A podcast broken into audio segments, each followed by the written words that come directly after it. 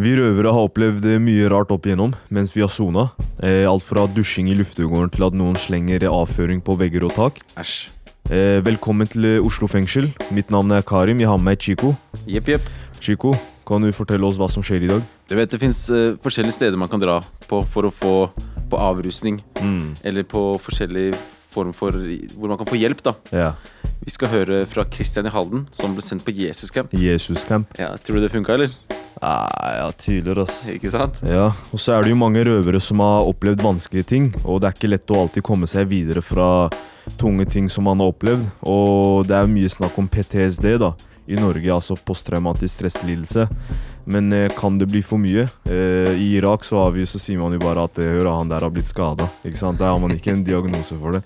Men eh, jo, røverne i Halden skal jo fortelle mer om det, så hva, hva annet er det vi har? Eh, er det noen som er gambler, eller? Du gambler, du? Ja, ja Kanskje. Skal vi, skal vi ta et vedde, lite veddemål? Ja. Jeg vedder på at jeg har hatt en eh, morsommere og rarere jobb enn deg. Da, du vinner, altså. Ikke sant? Jeg har ikke hatt så mye jobb. jeg, Altså. Nei, vi vente og se. Jeg skal fortelle en morsom historie etterpå. Yes, da gleder vi oss. Kjør sending.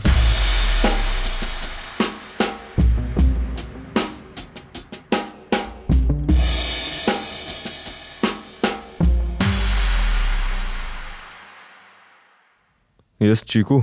Ja. Føler du at du har skuffa noen, eller at du skuffer noen ved å være i fengsel? Ja. Jeg føler at jeg skuffer, og at jeg skuffa gang på gang. Ja. Så det, man føler jo litt på det. Men hva er det som får deg til å komme tilbake igjen? Penger. Narkotika. Er det verdt mer enn den skuffelsen du gir, da? Når jeg står i det, så ja. Men ikke når jeg først er her inne. Mm. Men uansett hvor snill gutt man kan være her inne, så er det jo lett å bli en skuffelse. Ja, Kommer an på hva man har gjort også. Ja, kanskje. Vi skal videre til eh, Marius og gutta Eidsberg, Ja. som skal snakke litt om dette. Skuffelse. Det er tungt å måtte føle på skuffelse. Ensom er ordet jeg leter etter når jeg tenker på skuffelse. En dag vil alle såkalte gutta dine, brødra dine, svikte deg. Alle år i fengsel, alt du har gjort for dem, det vil faktisk kanskje bety null.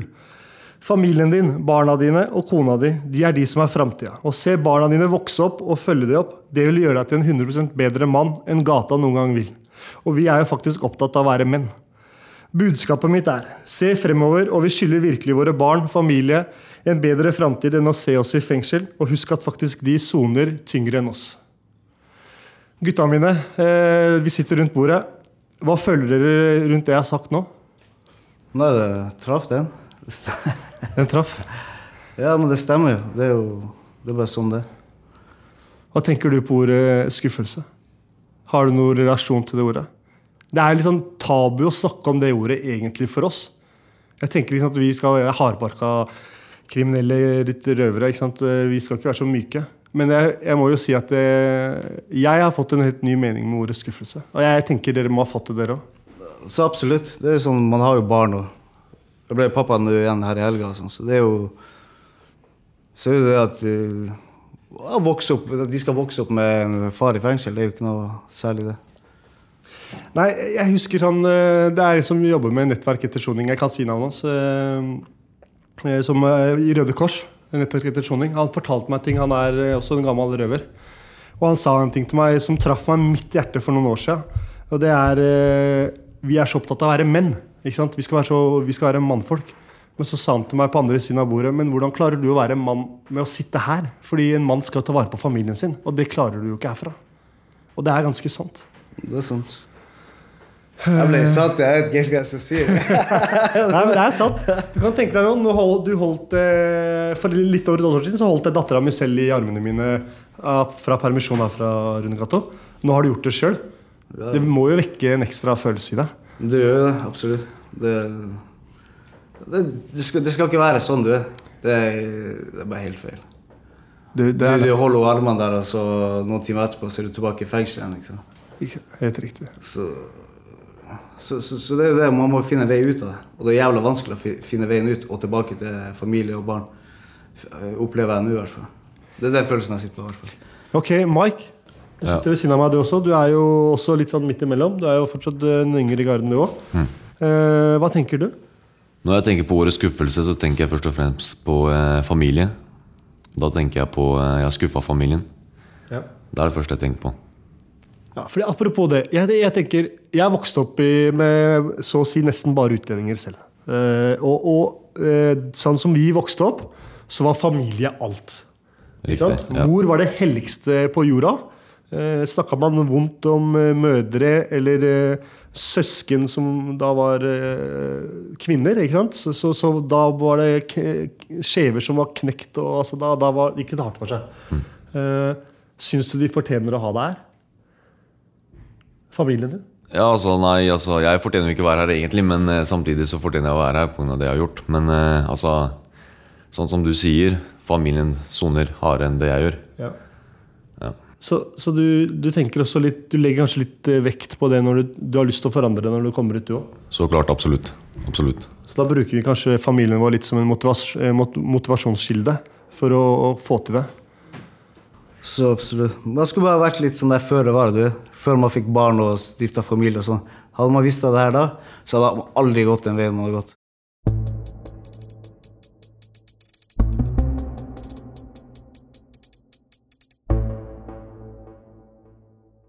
Men nå skal vi over til eh, Halden fengsel igjen, eh, der vi har eh, Per, Leon og Ole, og de skal fortelle om noen vanskelige tider de har hatt. Ja, som har gjort at de har fått komplekse psykologiske reaksjoner. Komplekse psykologiske Kompleks, reaksjoner. ja, kompleks psykologisk reaksjon. Det var heavy, ass. Hei, og velkommen til Røverradioen Halden fengsel. Eh, med meg her i dag så har jeg mine kollegaer og medinnsatte Per Hei sann. og Ole. God dag, dag. Hei. Eh, et kjent problem for mange innsatte i norske fengsler er jo at vi sliter med ADHD, blant annet. Altså, det er jo en diagnose jeg har uh, sjøl. Men eh, et annet stort problem som eh, begynner å komme litt mer fram i lyset nå, er eh, PTSD. Eh, altså posttraumatisk stressyndrom er det forkortelse for. Og eh, Per, kan ikke Ja. du fortelle meg litt om hva, hva er PTSD? Eh, For meg så er eh, PTSD Det ligger litt i ordet òg, da. Eh, Post, altså tidligere, og stress. Og at man kan komme i mange forskjellige typer situasjoner som kanskje ikke er noe stressende for andre, sånn som bare å gå på butikken eller komme seg ut av cella. At man møter andre mennesker. Og i samtalen med de menneskene så kan det bare være få ord, det kan være lyder, det kan være noe de kjenner igjen i, som gjør at du går rett i det traumet du opplever. da. Som gjør at man blir stressa innvendig. Innvendig at man uh, lukker seg, man blir uh, nervøs, man blir man blir eh, eh, Sånn som nå. Nå, nå. begynner det å lukke seg litt inn i meg nå. Ja. For det, eh, det knyter seg innvendig. Det kan være at man svetter i henda. Eh, og det går, går på det at man har opplevd noen traumer i tidligere tid. Og at man eh, av ytterpå ytterpåfaktorer da, kan bli, gå rett tilbake igjen i traume, og at man blir veldig stressa sånn urasjonelt. Hva, holdt på å si, men, hva kan være årsaken til at man får eh, PTSD? Det kan være mange årsaker. Altså det mest, mest vanlige som folk eh, har hørt om, kanskje, er at krigsveteraner har PTSD pga. Uh, granater, eksplosjoner, kriger. Det kan være også være at man har hatt en tøff barndom. eh, eh, mye bråk i barndommen som gjort deg urolig som barn. Eh, og det, sette, det setter seg ofte i kroppen, i sinnet, i voksen alder, og gjør at man blir For opplever angst og uro i mange situasjoner som andre ikke gjør, da. Eh, og du, eh, Ole, og jeg, har jo eh, fått den eh, diagnosen. Og eh, en ting vi ser, er at er, eh, mange innsatte får, eh, får den diagnosen, holdt jeg på å si, eller har den diagnosen. Altså med ADHD så, så har du jo dårlig impulskontroll og sånne ting som kan føre til at man eh, handler feil i, i, noen situasjoner, og så gjør det til at man uh, ja, gjør noe gærent for en dom og sånne ting. Men kan det også være en uh, greie med PTSD, liksom? Absolutt. Jeg er jo så heldig at jeg er blitt diagnostisert med begge deler. Ja. Og det er jo mye av det Per sier her nå, som Det sitter jo, sånn som for min sin del, Jeg kan ikke snakke for alle andre, men uh, fra min sin del så stammer det fra barndommen. Mm. Uh, sånn sett så hadde jeg en trygg og god oppvekst, men uh, det starta også med en del misbruk, dessverre. Og som sagt, det setter seg i kropp og sinn. Mm. Uh, videre så har jeg levd et ganske tungt og heftig kriminelt liv med mye vold og tragiske hendelser. Mm. Hvor jeg har blitt knivstukket og skutt og litt forskjellig. Og når du kombinerer det, så Ja. Da sitter jeg igjen med de diagnosene jeg har i dag. Mm. Og årsaken til at det er så mange som har det, det er vel at sånn som med veldig mange andre kriminelle, så har de opplevd en eh, Eller dessverre fått en uh, tung start på livet av forskjellige årsaker. Mm. Det kan være mye rart. Uh, og så dette litt ut igjen. Men eh, eh, altså Det kommer jo mer fram nå at veldig mange innsatte har akkurat den diagnosen PTSD, sånn som med ADHD. Og hvorfor tror du at uh, akkurat mange innsatte har det, liksom? Og så eh, reagerer man eh, Som med ADHD, reagerer man eh, Og så det, det, man, også det ser jeg at når man har PTSD, så er det Du kan sammenligne det mye med ADHD. Uh, for har du ADHD, så har du impulskontrollsvikt. Mm. Du har dårlig impulskontroll. mm, Uh, og når du har PTSD òg, eller om du har en av delene eller begge, sånn som i mitt tilfelle, så kan det være at er en plass hvor det oppstår eh, en voldelig situasjon, eller en situasjon som trigger min eh, PTSD. Og da går man på en måte i en sånn lita, en liten psykose, eller hva jeg skal kalle det. Og da er ikke man helt bevisst på hva man gjør. Iallfall ikke jeg. Mm. Og da blir det ganske svart, og da kan jeg reagere med å ta feile valg, gjøre dumme ting, så resulterer i at jeg nettopp får en dom og havner i fengsel. Ja, så jeg tenker også det er en del som eh, har PTSD som uh, ruser seg mye for å undertrykke den angsten og uroen, ikke, eh, ikke sant? som igjen leder til kriminalitet, uh, som gjør at man fort kan havne her i fengsel. da. Helt klart. Det er jo bare sånn, det har en sånn snøballeffekt. Når den begynner å rulle, så fortsetter den bare å rulle. Mm. Det baller på seg. Mm. Og dessverre så skjer det altfor ofte at man da havner bak murene. Mm. For jeg tenker eh, Altså meg med meg, altså med meg sjøl, altså Jeg hadde, har jo ADHD og var helt umulig når jeg var eh, liten, og det førte til at jeg fikk mye Fikk mye juling, da. Det var liksom sånn det var. Men eh, nå i voksen alder, og hvis jeg liksom går i en butikk og, og, og eh, handler, da, og det går eh, en dame med et barn i handa, og så begynner kanskje ungen å, å mase litt og vil ha noe godteri eller et eller annet, og så blir den ungen litt umulig, og mora eller faren begynner å dra hardt i armen og, og blir sinna, liksom, så kjenner jeg at det koker inni meg, liksom. Og det kan, kunne lett ha ført til en, en, At du eh, dårlig handling, da. Men eh, kan det være sånn med PTSD òg? Ja, det er sånn man kjenner seg på sånne småting sånn som det der. At man eh, går tilbake igjen til det man har opplevd selv. ikke sant? Sånn Ja. som du har opplevd nå med, med litt med vold, Ja. og du ser andre barn bli utsatt for det, så går det rett tilbake igjen i det. Og det skaper eh, og Enten så skaper det sinne, eller så skaper det angst og uro. Og her går, du, her går du i fight sinne. or flight. Ja. eh, Flight-greier. sånt, Enten så Mm. reagerer du med sinne, eller så reagerer du med flukt. Ja. Mm. Flukt, det vil si angst. Men, eh, og så lurer jeg litt på hva, hva er det som kan eh, gjøres med det, liksom? Hva, hva kan fengsla Fengselet ta tak i, eller eh, hva kan man gjøre sjæl for å, å eh, få ja, forebygge det, eller, eller få, få lære seg å håndtere det på noe vis, liksom? Eh, I mitt tilfelle så Etter eh, en del samtaler og behandling hos DPS, Så er det første jeg må gjøre nå, å ta tak i det såkalt traumebehandling for barndommen. Mm. Er litt usikker på helt hva det innebærer. Mm. Jeg vet bare at jeg har utsatt det i veldig mange år. Mm. eh, og trodde at alt skulle gå bra uten. Men eh, nå har jeg blitt litt eldre og innsett at eh, det er det som må til for at jeg skal lære meg å håndtere situasjoner på en annen måte enn det jeg har gjort tidligere. Mm. For den måten jeg har reagert på tidligere, det fører jo bare til fengsel. Mm.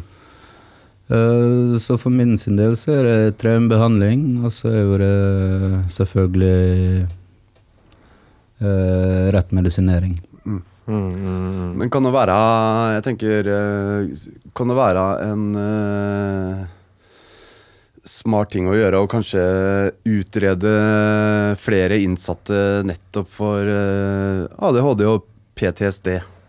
Helt klart. At det kunne vært Absolutt, Til hjelp, liksom. absolutt. Det er jo det første som bør gjøres. At man, har man symptomer eller noe sånt, så bør man gå og få en utredning. mm. At fengsla bør ta litt mer tak i sånne ting, liksom. Ja, så er det jo ikke noe sånn er det bevist noe ordentlig behandlingsform for eh, PTSD. Nei, altså, hva, Eh. hva, hva behandlingsformer er det Nei, jeg, vi har jeg, på det? egentlig? jeg, fikk jo diagnosen før jeg kom inn hit, og så har jeg vært på utredning en gang til her i Halden. Og etter samtale med psykolog og fylt ut ganske mange skjemaer eh, med mange forskjellige spørsmål, så fikk jeg igjen eh, bekrefta at jeg har PTSD, og det tilbudet jeg fikk, det var samtalegruppe. Um, hvor du sitter sammen med andre og, og prater om uh, ja, forskjellige ting som har skjedd. Da, traumer og Ikke for å gå for, for i detaljer på det, men du snakker om ting som uh, ikke er så bra da, overfor en gruppe andre mennesker. Og for meg da, så syns jeg ikke det virker noe særlig. Det virker egentlig mot sin hensikt. Ikke sant? Det er å- jeg helt enig med. Det, Med å, ja, for du sitter og hører på andre sine storyer, så om du kjenner deg igjen i kanskje noe her der, så sitter du hele tida og, og blir retraumatisert på en måte. så jeg får gå, gåsehud bare av tanken. Ja. Mm. Ja. Det er absolutt helt feil fremgangsmåte.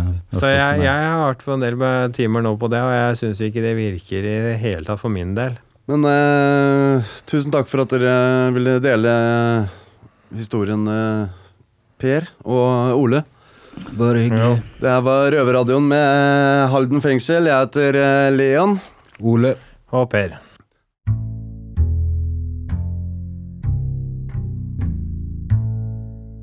Innsatte i norske fengsler lager radio. Du hører Røverradioen i NRK P2. Takk for at eh, dere delte, gutta. Dessverre så er det sånn situasjonen er for eh, mange av de som sitter inne, og som eh, gjør ting ute. Ja, Det må jeg si meg enig i. Ferdig, da. Men du, Karim. Mm. Du som er muslim. Ja. Hadde du fått traumer av å dra på Jesus-camp? Jeg hadde aldri dratt på Jesus Camp, ass. Ikke for å komme på paragraf 12-soning og få det litt bedre soningsforhold? Nei, nei, nei. Ikke i det hele tatt. Ikke det hele tatt. Jeg hadde blitt her i Oslo fengsel. Ok, ok. Ja. Eh, vi skal videre til Hallen fengsel, hvor eh, vi møter Per og Christian. Christian skal prate litt om hans opplevelse med en Jesus-camp. Å, fy faen. Halleluja. Halleluja. Jeg heter Per, og med meg har jeg Christian. Hallo, hallo. Hallo, hallo. Og i dag så skal vi prate litt om at det finnes litt for mange forskjellige varianter av eh, rus og rehabilitering. Rusavvenning. Og en av dem er faktisk sånn Jesus Camp. Og der kan man faktisk få jo mulighet til å sone paragraf 12. Ja. Og hva er egentlig paragraf 12, Christian? Paragraf 12 det er eh, som regel siste del av eh, soninga for å få en litt mer eh, smooth overgang fra fengsel og ut til det vanlige livet. På paragraf 12 så har du eller ja, typ paragraf 12 skråstrek overgangsbolig, så har du eh, som regel en jobb. Du har ti timer med permisjoner i uka. Mm. Nei, det er vel egentlig overgangsbolig. Nå sa jeg helt feil. Paragraf 12 det er, det er en form for rehabilitering på institusjon. Det blir Ja. mer riktig å si. Så det er mer sånn rus Det er også alltid relatert til rus, er det ikke så? Riks, jo, Eh, Så rusavhengig, eller avvenning, da. yes, helt Ja. riktig. Eller rehabilitering. Og, men selv om ikke du, jeg vet, jeg vet at du ikke var der pga. paragraf 12, men du møtt, møtte jo mennesker som eh, var der eh, pga. paragraf 12-soning. Yes. og kan du fortelle oss litt eh, hvordan det her eh, frelsa skal foregå i forhold til rus, og hvordan det fungerer eh, på det senteret? Ja, eh, det er nulltoleranse for rus, selvfølgelig. Sånn som det er alle andre plasser. Men uh, der så er det du, du blir veldig prakka på Jesus. Det er gudstjeneste to ganger om dagen. Én etter frokost og én etter middag. Og middagen er sånn, Jeg husker ikke om det var tre eller fire, og så er det etter det da, så er det, gutt, det er to gudstjenester om dagen. Så du blir veldig Det er liksom sånn bli frelst, eller eh, så blir du på en måte en litt sånn som jeg oppfatter det, du blir litt som et utskudd, da, for å si det sånn. Ja. Og de, eh, de prakka veldig på da, den kristendommen da, og det med at eh, alle andre har blitt frelst, så da må du ta imot Jesus òg. Og det Så fokus er mer på Jesus enn rehabilitering, eller Ja, ja, det? jeg, jeg var der i åtte uker, og eh, Og så dro jeg derfra. Uh, Men jeg tenker, jeg- jeg tenker litt på staten og liksom bruker titusenvis av kroner. Jeg regner Ja, med Det er ikke gratis å være med Nei. en sånn uh, Jeg- Jesus Camp. Det er jo stort sett penger i den der uh, kjerka. Ja, jeg, kommunen, Fredrikstad kommune betalte 30 000 for meg i måneden for at jeg skulle være der. Og, men jeg var jo ikke der som sagt på paragraf 12, men eh, han som var der på paragraf 12-soning fra fengsel, han da Jeg veit ikke hvem som betaler, men det er jo kriminalomsorgen eller eh, det er staten da som betaler for det opplegget. Og folk som f.eks. får AAP, kan, han ene han betal, hadde 200 kroner i ukepenger, og resten av AAP-en tok dem fra han, så han, så han måtte Det er jo helt sinnssyke summer. Og det var et par der som hadde trygd, og de fikk hvis, hvis, si du har 17, eh, 17 000 og 18 000 i trygd, og da må du betale 15 000 da, til SD, og resten kan du beholde sjøl. Og det er liksom, og det, er liksom ja, det, det er noe du må da, for å kunne være der. Så det koster litt å lære om Jesus. Men Ja. jeg tenker litt på sånn forhold til rehabilitering og, og Jesus. Eh, var det noe fokus i hele tatt på det med rusbehandling? eller var det kun dette her med å lære seg noe om Bibelen og, Ja, og få, få inn Den hellige ånd da, og rense deg fra lyster som rus? For, ja, helt riktig. Eller hvordan er det dette fungerer? Eller, nysgjerrig For at eh, jeg regner med at en annen rusinstitusjon så er det veldig mye sånn terapi og gruppesamtaler og sånt i forhold til Ja. det med rus og grunnlaget hvorfor man har et rusgiv og sånt. Ja, ja, det var jo sånn eh, Det var jo gruppesamtaler der og terapitimer, men det var ikke sånn én til én. Det var alle på det stedet samles inne i et sånn svært fellesrom. Okay. Og så satt du der og preka, men det det gikk mest i, var jo bibelvers fra Bibelen og folk som, noe som heter å vitne. At du forteller din historie fra du er barn og til uh, fram til du har kommet eh, til eh, senteret, da. Og jeg vil, si, jeg vil ikke si at det var så mye fokus på rus. Det var vel mest fokus på Gud, Jesus, Bibel. Eh, og, og så kunne du, du kunne også jobbe litt på dagtid, da, enten om du var i stall eller utegruppe, eller på kjøkken. Sånn type ting. Og, Ja. så jeg, jeg vil ikke si det var så veldig mye fokus på rus. Det var vel egentlig mer sånn ta imot Jesus, og så ordna alt seg deretter. Det høres egentlig ganske vanvittig vanvittig ut for min del. Tenk på at De som lytter på, tenker på det at uh, man skal egentlig lære Staten betaler masse, masse penger for at folk skal bli frelst. Frelst, ja. ja. Og jeg, jeg, jeg har ikke noe mot religion. Det er bare sånn som det er sagt. Jeg sier ikke at det, å være kristen er feil. Absolutt ikke. Men måten det blir gjort på, der syns jeg er litt feil. For det er sånn som jeg sa, jeg fikk litt inntrykket at du blir kristen, eller eh, så kan du nesten egentlig bare pakke tingene dine og dra, liksom. Det er ikke noe vits for deg å være her hvis du ikke tar imot Gud. Og det Ja. syns jeg er litt feil, da. for hvis du er der for å bli rehabilitert, og om du velger å bli frelst eller ikke, så mener jeg at du skulle hatt krav på samme type hjelp, da. Ja. Nei, jeg bare ser for meg at det blir eh, litt feil i forhold til det med å bruke pengene på en eh, profesjonelle mennesker da, som eh, jobber innenfor psykiatri og, og, rusbehandling. Eh, det er, jeg kan ikke se helt kombinasjonen der, på en måte. Men, men det var klart, det er jo ikke ukjent det at folk finner Jesus eh, etter man har vært mye rusa, man finner Jesus og finner frelsen.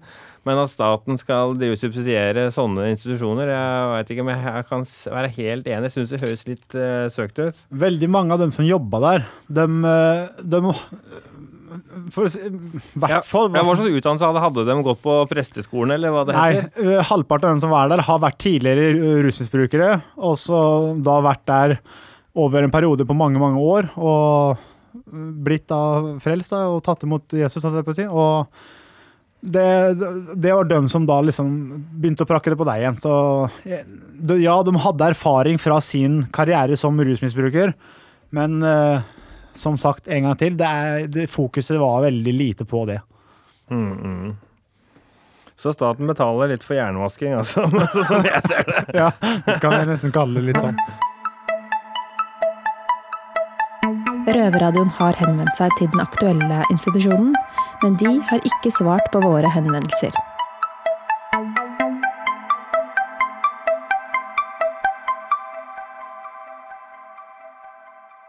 Fy fader. Det var noen syke greier. Er helt sykt. Hva sier du? Skal vi dra på sånn leir, eller? Bror, du kan dra dit selv, altså. ok, greit. Men seriøst, når er det vi skal få vite hva den eh, jobben din var, da? Det kan vi få vite nå. Vi som sitter her, har alle forskjellige historier mm. og bakgrunner. Mm. Og vi er i Oslo fengsel nå. Jeg sitter her med Ole og sammen med Chico. Yeah. Chico, Ja, du har jo en eh, morsom historie å fortelle oss. Altså den historien du sikter til, tror jeg er når jeg var i starten av tenåra. Jobba på Hjortneskaia på Color Line. Mm. Og jeg jobba som Captain Kid. Captain Kid. Captain Kid, ja. Captain Kid er maskotten til Color Line. Og okay. han uh, har, har på seg en eh, Altså en svær hvit og rød T-skjorte og en olabukse. Du hadde på deg sånn svær drakt. sånn Svær drakt med sånn rockering rundt meg, så jeg så ut som jeg var dritfeit. Ja. Sånn kjempehjelm, eller øh, Eller ja, det blir jo en hjelm, da. Ja. Med hode. Med en eh, pirat som hadde eh, blondt skjegg og øyet lukka igjen, som lagde sånn jar. Måtte du si det? Nei, han var stum. Ah, ja. Så jeg gikk bare rundt og tok meg på magen og vinka til barna. Og, Ja. og det som er litt, eh, litt morsomt, da, er min Mm. første lønning fra Captain Kid. Mm. Så gikk jeg og kjøpte mitt første opplegg med hasj. Ok. Ja. Så du var, eh, du var eh, barnemaskot. Du hadde på deg en drakt. Ja. Og så drev du og hilste på små barn og fikk de til å bli glade. Riktig. Så fikk du en lønning, så gikk du og kjøpte hasj for det. Helt riktig. Mitt første opplegg. Ja. Pusha du til unge, ungen her? Å nei, nei, nei. nei, Det er det, var, altså. det var ikke når jeg var på jobb. Ja. Det var, var på en annen jobb. Annen jobb. Ja. Så du hadde to jobber, altså? Hadde to jobber. Ja. Helt riktig. Men eh, du jobba ikke på båten? Nei, jeg jobba på, på, på kaia. Ja. Og tok imot barna før de skulle på kaia. da Mm. Nei, nei, før, før de skulle på båten. Så du var barnemaskot på dagstid og så hasjdealer etter, eh, etter jobb? Helt riktig. Jeg vet ikke om det er moralsk riktig å bruke maskotpengene mine på å kjøpe hasj. Chico, Nei. kan vi spørre deg hvor gammel du var, eller når du Jeg var vel sånn 14 år, tror jeg. Mm. Å, fy Ja. faen, du starta tidlig. Altså. Jeg starta tidlig. Du er skikkelig Ja. badass, du. altså. Ja, Mm. var det en gang i tiden. Mm. Jeg er blitt snill gutt, da. Ja. Ja. Det er bra, det. Kan man være maskot når man er 14? ja, på brygga så var det lov. Mm. Mm. Men jeg fikk ikke lov til å være med på båten. Mm. Ok. Hva hadde skjedd hvis du hadde vært på båten? da? Hadde du drevet og smugla varer, eller? Kanskje, hvis jeg hadde jobba der i, i, i eldre alder. Ja. Stappa varene inn i drakta di. Bare hjelmen kunne jeg hatt sikkert 3-4 kilo med hasj, og Ja. inn, inn, i magen kunne jeg hatt 10 kilo til. Da snakker vi, vet du. Her. ja, her har vi en 14-åring.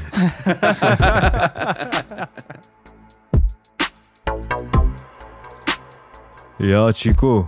Yep. Eller skal jeg si Captain Chico? helt riktig. Hei, Kaptein. Ja, ja hva, hva, hva syns du var bra med sendinga i dag? Det jeg syns var bra, var at gutta fra Halden prata om, eh, litt om problemene sine. Mm. Med dette her med traumer osv. Akkurat.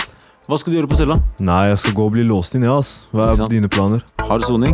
Hard soning. Nei, jeg skal, inn og, jeg skal på cella og se på The 70 Show. Fy faen, det er gammeldags. Yes. Kapteinen befaler at du hører på Røverradioen neste uke. Takk Ja. for oss. Takk for oss. Røverradioen er laga for og av innsatte i norske fengsler. Tilrettelagt for streitinger av Rubicon for NRK.